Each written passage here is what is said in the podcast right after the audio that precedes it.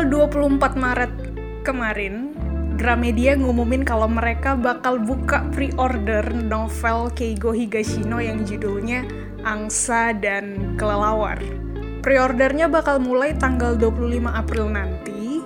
Um, pas ngelihat pengumuman itu aku langsung keinget sama janjiku sama diri sendiri.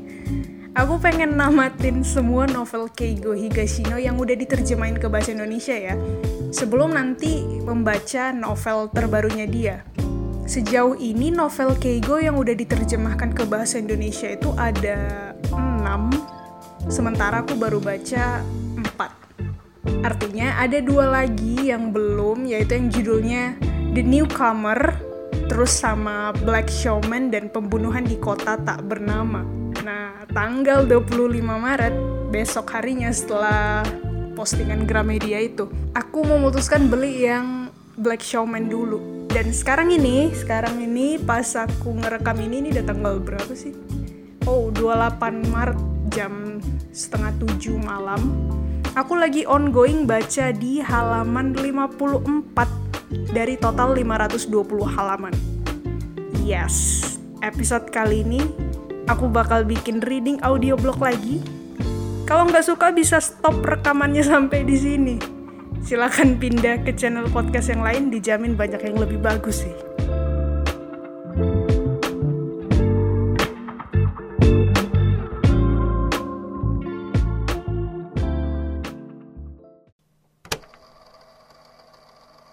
Novel ini ceritanya tentang apa sih? Ini aku langsung bacain blurb yang di sampul belakangnya aja ya, biar cepet ya. dengerin nih, dengerin. Pembunuhan bisa terjadi di mana saja, termasuk di sebuah kota kecil, terpencil, dan nyaris terlupakan di tengah pandemi COVID-19. Seorang mantan guru SMP ditemukan tewas tercekik di halaman rumahnya sendiri. Polisi tidak tahu apakah ini pembunuhan terencana, pembunuhan tak disengaja, atau aksi pencurian yang berakhir dengan pembunuhan. Korban adalah guru yang disegani. Setelah pensiun pun mantan murid-muridnya sering menghubunginya untuk meminta bantuan atau nasihat. Jadi, tentu saja para mantan muridnya yang pulang ke kota itu demi menghadiri reuni termasuk dalam daftar orang-orang yang dicurigai. Polisi kebingungan dan si pembunuh lega karena identitasnya tidak akan pernah ketahuan. Namun ia tidak menyangka bahwa putri korban akan muncul bersama pamannya, seorang mantan pesulap eksentrik dan ikut menyelidiki apa yang sebenarnya terjadi dan mencari tahu siapa yang membunuh Kamio Eiichi. Nah, jadi gitu saudara-saudari.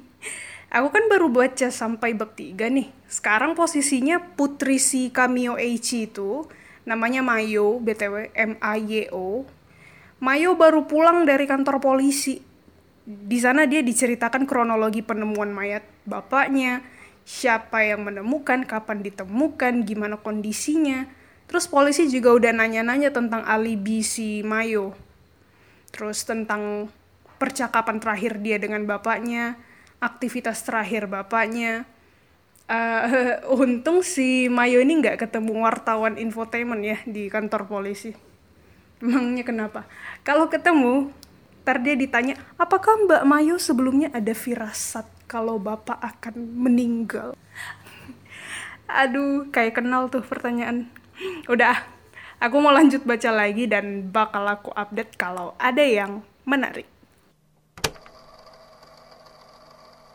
Ini tanggal 8 April, jam 9 malam Aku baru selesai baca bab 13 halaman 211.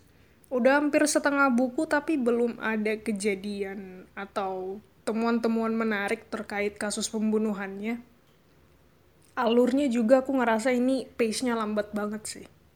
Sejauh ini, um, asumsi tentang cara Eiichi dibunuh, gimana kondisinya pas ditemukan, di mana dia berada satu hari sebelum kematiannya itu tuh udah kelihatan memang. Tapi masih dalam ranah dugaan. Jadi belum pasti. Di sini sekarang ceritanya tuh uh, tentang upacara malam berkabungnya Eiichi itu baru aja selesai. Nah, pada acara ini, Takeshi dan Mayo itu sepakat untuk memantau seluruh pelayat yang datang gitu. Uh, memantau gerak-gerik mereka, terus ekspresi mereka ketika membakar dupa, terus melihat jenazahnya Eichi di peti mati itu gimana. Kenapa harus diperhatikan? Karena mereka berdua berasumsi si pembunuh itu, pelakunya itu, kemungkinan besar bakal datang entah itu ke malam berkabung atau ke acara pelepasan jenazah di keesokan harinya. Dan ternyata kepolisiannya itu juga sependapat dengan mereka. Nah, pertanyaannya kan apakah benar pelakunya itu datang? Nah, itu belum terjawab sih. Tapi yang menarik di sini tuh sekarang selain polisi, Takeshi dan Mayo itu juga menyelidiki kasus ini secara terpisah jadi ada dua kubu nih, kubunya polisi dan kubunya Takeshi dan Mayu. Kelihatannya dua kubu ini kurang harmonis gitu. Jadi mereka bukannya bekerja sama, tapi malah banyak adu mulutnya itu, banyak berantemnya. Seru sih sebenarnya.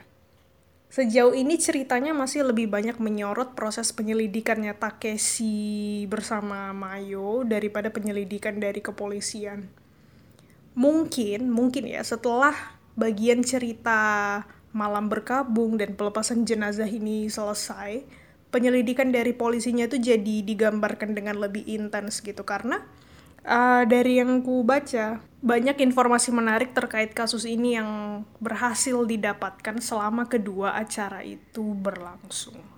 Oke, coba aku lanjut baca lagi.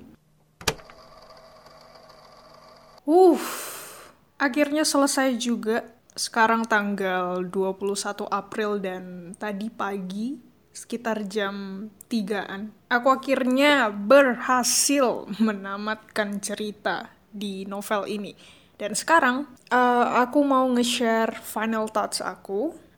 Kalau kamu perhatiin di reading progress sebelumnya aku update tanggal 8 April dan sekarang ini udah tanggal 21 April.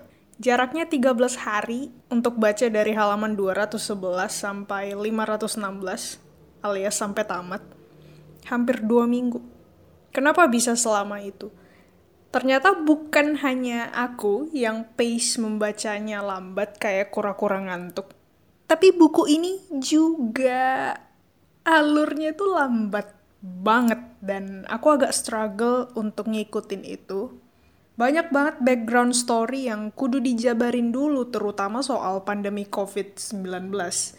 Ya emang buku ini tuh rilis pertama kali tahun 2020 di Jepang dan 2021 di Indonesia. Setting cerita di dalamnya juga dikisahkan terjadi pada masa corona gitu. Tapi menurutku yang agak hmm, bikin lama selesainya adalah banyak percakapan atau bagian cerita yang menurutku nggak perlu dituliskan sepanjang itu juga. Karena kalau misalnya bagian itu dihilangkan, nggak akan ngubah inti cerita dari novel ini juga sebenarnya. Jadi ya, singkatnya sih ya, dihapus aja mending. Nah, karena alurnya lambat kayak gitu, sampai di pertengahan cerita pun belum banyak kejadian yang menarik banget. Flat aja.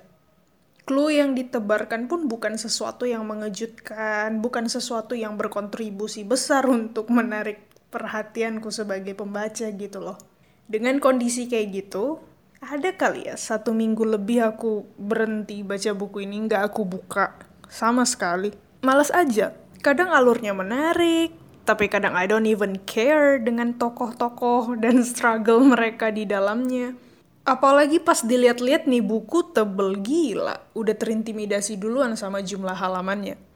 Memang baca buku tebal dalam hal ini 400 halaman ke atas ya. E, itu bagiku tricky banget sih. Kalau suka sama ceritanya, aku bakal seneng banget karena disuguhkan detail cerita yang banyak. Bahkan aku nggak pengen novel itu tamat gitu loh. Tapi kalau ceritanya so-so atau cenderung kurang menarik, nah ini nih ini rawan nih untuk berhenti baca di tengah terus nggak dilanjutin lagi tuh sampai akhir. Apalagi kan nggak ada jaminan di halaman-halaman berikutnya ceritanya bakal makin menarik atau enggak. Oke, cukup untuk kekurangannya. Lancar banget kalau ngomongin yang kurang-kurang. Sekarang, apa yang aku suka dari buku ini? Yang pertama, udah pasti karakter developmentnya. Meskipun awal-awal sempat nggak peduli sama toko-toko di novel ini, aku sebenarnya enjoy banget sih ngikutin dialog antara Mayo dan pamannya. Si Mayonya polos, lugu, agak lemot dikit, terus Takeshinya yang kalau ngomong tuh nyablak, jutek, kocak. Gak pernah peduli perasaan orang lain. Yang penting itu logika, logika, logika. Logis dan humor di atas segalanya. Gitu dia tuh orangnya. Ketika dua karakter ini dipertemukan, yang kontras 180 derajat ini, terciptalah dialog yang gak monoton gitu loh menurutku. Humornya dapet, sarkasmenya apalagi. Abis kita ketawa tuh malah jadi mikir bentar gitu beberapa detik. Hmm, benar juga Paman Songong satu ini. Jadi nggak ada alasan gitu buat kesal sama Takeshi gitu loh. Apalagi kemampuan analisis dia itu canggih gila di sini Ingat nggak aku bilang di awal Takeshi sama Mayo itu juga menyelidiki kasus ini secara independen. Ngomongin soal penyelidikan independennya. Takeshi featuring Mayo, nih orang berdua nih ya. Teammate yang solid banget sih. Meskipun banyak berantem-berantem kocaknya. Mereka khususnya Takeshi itu kerjanya tuh sat-set-sat-set banget. Dan yang paling menarik buat aku adalah cara penyelidikan mereka uh, agak berbeda dengan polisi. Ya iyalah ya, namanya juga amatir. Karena Takeshinya itu pesulap, dia jadi menggabungkan trik-trik sulapnya ketika menyelidiki kasus ini. Banyak kelakuan dia di sini yang mungkin menurut kita nggak akan bisa dilakukan dalam kehidupan sehari-hari sebagai manusia biasa. Tapi dia bisa. Kenapa? Ya pakai trik sulap tadi gitu itu juara sih juara keren karakternya Mayo ini juga berkembang gitu loh maksudnya uh, dari yang awalnya dia kewalahan berkomunikasi dan menghadapi pamannya terus dia juga kurang bisa mengimbangi proses berpikir Takeshi yang kritis, detail. Seiring berlanjutnya kisah, Mayo kelihatan ada kemajuan. Dalam artian dia makin enjoy ngobrol dengan pamannya, kelihatan itu dari dia udah cepat paham taktik-taktik penyelidikan ala pamannya yang sebenarnya rada ngehe itu sih. Tanpa di briefing pamannya panjang lebar, dia udah bisa langsung paham nih loh, tek, harus ngomong apa ke orang yang lagi diselidiki. Dan satu hal lagi yang paling kelihatan juga, Mayo tuh jadi ikutan kritis dan skeptis kayak pamannya. Sepanjang mereka ngobrol, dia jadi bisa melontarkan pertanyaan-pertanyaan kritis buat menanggapi hasil analisisnya Takeshi. Jadi obrolan mereka tuh lebih dua arah. Kalau di awal kan cuma Takeshinya doang nih ngasih tahu hmm, menurutku kayak gini, menurutku kayak gini, bla bla bla bla bla. Kalau si Mayonya iya iya aja setuju setuju aja. Tapi makin ceritanya berlanjut, Mayonya juga aktif bertanya, aktif ngasih tahu pendapat dia dan itu seru. Nah, baru di halaman 358 mulai ada kemajuan besar dari penyelidikannya. Ada titik terang, atau lebih tepatnya clue-clue kecil yang gak terlalu heboh tadi itu, itu tuh mulai dikasih tahu makna dan kaitannya dengan kasus ini.